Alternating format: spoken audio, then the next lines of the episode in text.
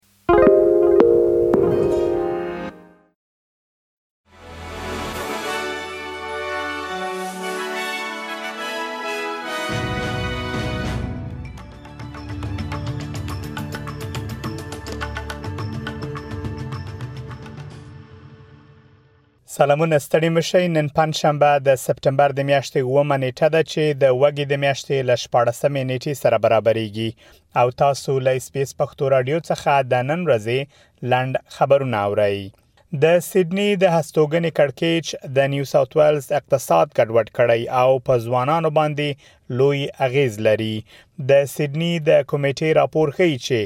له هانګ کانګ وروسته دغه ښار د کورونو د توانایي د نشټوالي لامل په نړۍ کې دویم ځای لري په سیدنی کې په اوسط ډول سره د یو کور لګښت د منځني معاش په پرتله 14 ځله زیات دی د کورونو جوړونه د استرالیا ایالتونو د مرکزي ښارونو لپاره یوه اوږدمهاله ستونزه ده د نیو ساوت ویلز لمړی وزیر کریسمنز وایي له یو میلیون ډالرو څخه د کورونو لوړ قیمت د راتلونکي نسل لپاره د زغم وړ نه دی او ځوانان دې ته اړوي چې ایالت پریږدي د ګرین ګوند په استرالیا کې د بیوزلۍ د لاملونو او د هغې د کمولو په اړه پارلمان ته د مشورې ورکولو لپاره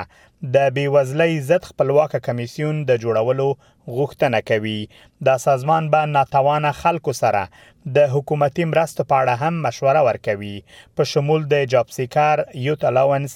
د والدینو او تقاعد کسانو د معاشونو په اړه دا وړاندیز په داسې حال کې کیږي چې د ټولنیزو خدماتو سکتور د مالی مرستو د زیاتوالي هڅو ته دوام ورکوي د مذهبي ټولنو مشران د ټولنو له غړو څخه غوښتنه کوي ترڅو پراتلونکو ټولپوښتنه کې هو رای ورکړي د وکټوريا ایالت د اسلامي شورا مشر عادل سلمان ای بي سي شبکې سره په خبرو کې ویلي چې ټولپوښتنه د لومړي د لومړی ملتونو خلکو لپاره د پخلاینې او عدالت لار هواروي هغه وایي بومي استرالیان پر دغه خاوره زرګونه کاله ژوند کړی دی او دوی په استرالیا کې ځانګړی ځای لري او موږ باید دا وپیژنو خغلی سلمان زیاتوي فکر کوي چې دا د دوی د انفرادیت پیژندلو پر لور یو ګام دی نه دا چې ووایي چې دوی د نور په پرتله ډیر حقونه لري په همدې حال کې د استرالیا د اپوزيسیون مشر پیټر ډټن وایي استرالیان دومره معلومات نه لري چې په راتلونکي ټولپوښتنه کې رای ورکړي ښاغلي دټن ویلي که چیرې راتلونکې ټولپوښتنه ناکامه شي نو هغه به د بلې ټولپوښتنې غوښتنه وکړي داسې ټولپوښتنه چې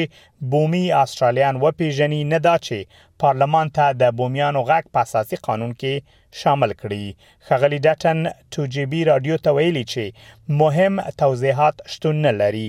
او دغه کار د رای ورکونکو لپاره رای ورکونه ګرانوي د استرالیا د پارلمان مخې ته د یو شمیر افغانانو لخوا پیل شوی مظاهره نن پای ته ورسیده د غلاریون د افغان ټولنې د ملاتړ ډلې لخوا د روانې اونۍ د دوشنبه په ورځ پیل شوی و یا د ټولنه په استرالیا کې پناه غوښتونکو ته د دایمي پناه غوښتنه لري دا و د نن ورځې لاند خبرونه چې ما مجيب منيب تاسو ته وړاندې کړل تر بیا مو الله مل شه.